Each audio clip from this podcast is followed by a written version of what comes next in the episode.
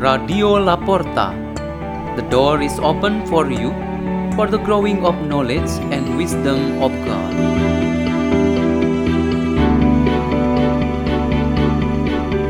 Delivered by Bethany Paulite and Catur Lastiatama from St. Peter's School in Jakarta, Indonesia.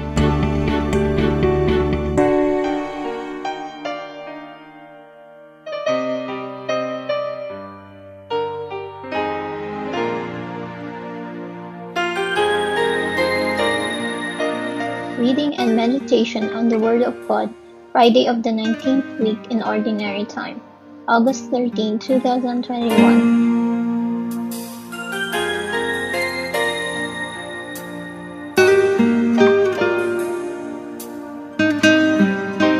The reading is taken from the Holy Gospel according to Matthew chapter 19 verse 3 to 12. Some Pharisees approached Jesus and tested him saying, Is it lawful for a man to divorce his wife for any cause whatever? He said in reply, Have you not read that from the beginning the Creator made the male and female?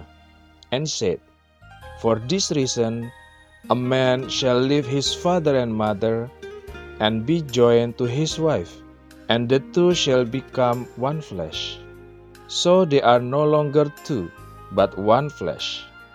Therefore, what God has joined together, man must not separate. They said to him, Then why did Moses command that the man give the woman a bill of divorce and dismiss her. He said to them, Because of the hardness of your heart, Moses allowed you to divorce your wives. But from the beginning, it was not so. I say to you, whoever divorces his wife, unless the marriage is unlawful, and marries another, commits adultery. His disciples said to him, if that is the case of a man with his wife, it is better not to marry. He answered, Not all can accept this word, but only those to whom that is granted. Some are incapable of marriage because they were born so, some because they were made so by others, some because they have renounced marriage for the sake of the kingdom of heaven.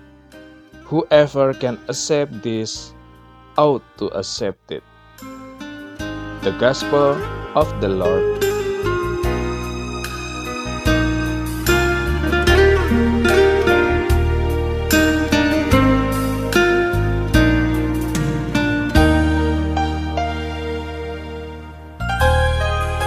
Our meditation today has the theme Bound from the Beginning to the End.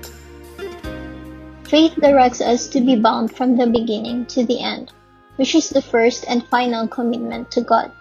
We have a covenant with God. God is eternal and unchangeable in His will towards us, so His commandments, choices, appointments, and covenants are valid from the beginning to the end. One of the forms of covenant and commitment proclaimed by the reading today is a marriage union between a man and a woman. The basis for marriage is that every man and woman is created in God's own image and likeness. Each of them is gifted with the ability to choose and to offer one's love for the right partner from the opposite sex. This can happen as it should be thanks to God's intervention. That's why we believe that the love relationship of a man and a woman depends much on God's decisive role. God acts through the church to follow up on this divine covenant by instituting marriage. A man and a woman who have chosen and loved each other at the moment of the marriage covenant, the church acts on it to officially declare it legal. Until this point, the bond that has been formed since the beginning is legalized before God, the society, and the world and must be maintained until the end of life. God's covenant must be eternal. What if there is a failure in the marriage life? What would the situation be like if the marriage is not terminated by death? That was the problem Moses already faced with the Israelites who divorced their marriages. This issue came down to the people of Jesus' time and so on to our day.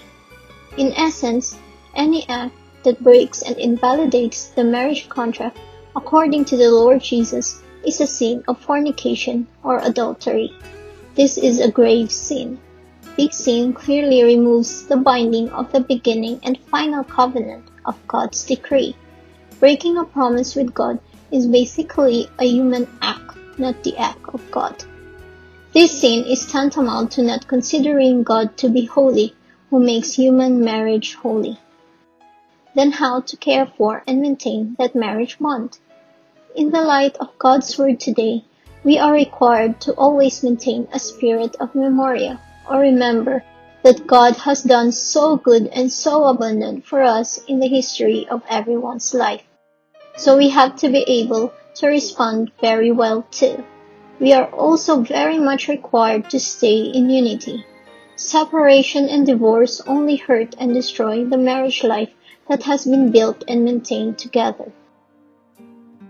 Let's pray. In the name of the Father, and of the Son, and of the Holy Spirit.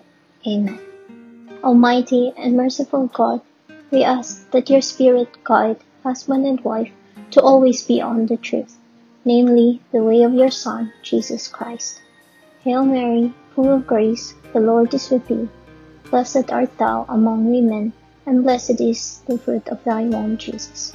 Holy Mary, Mother of God, pray for us sinners, now and at the end of our death. Amen. In the name of the Father, and of the Son, and of the Holy Spirit. Amen. Radio La Porta. The door is open for you.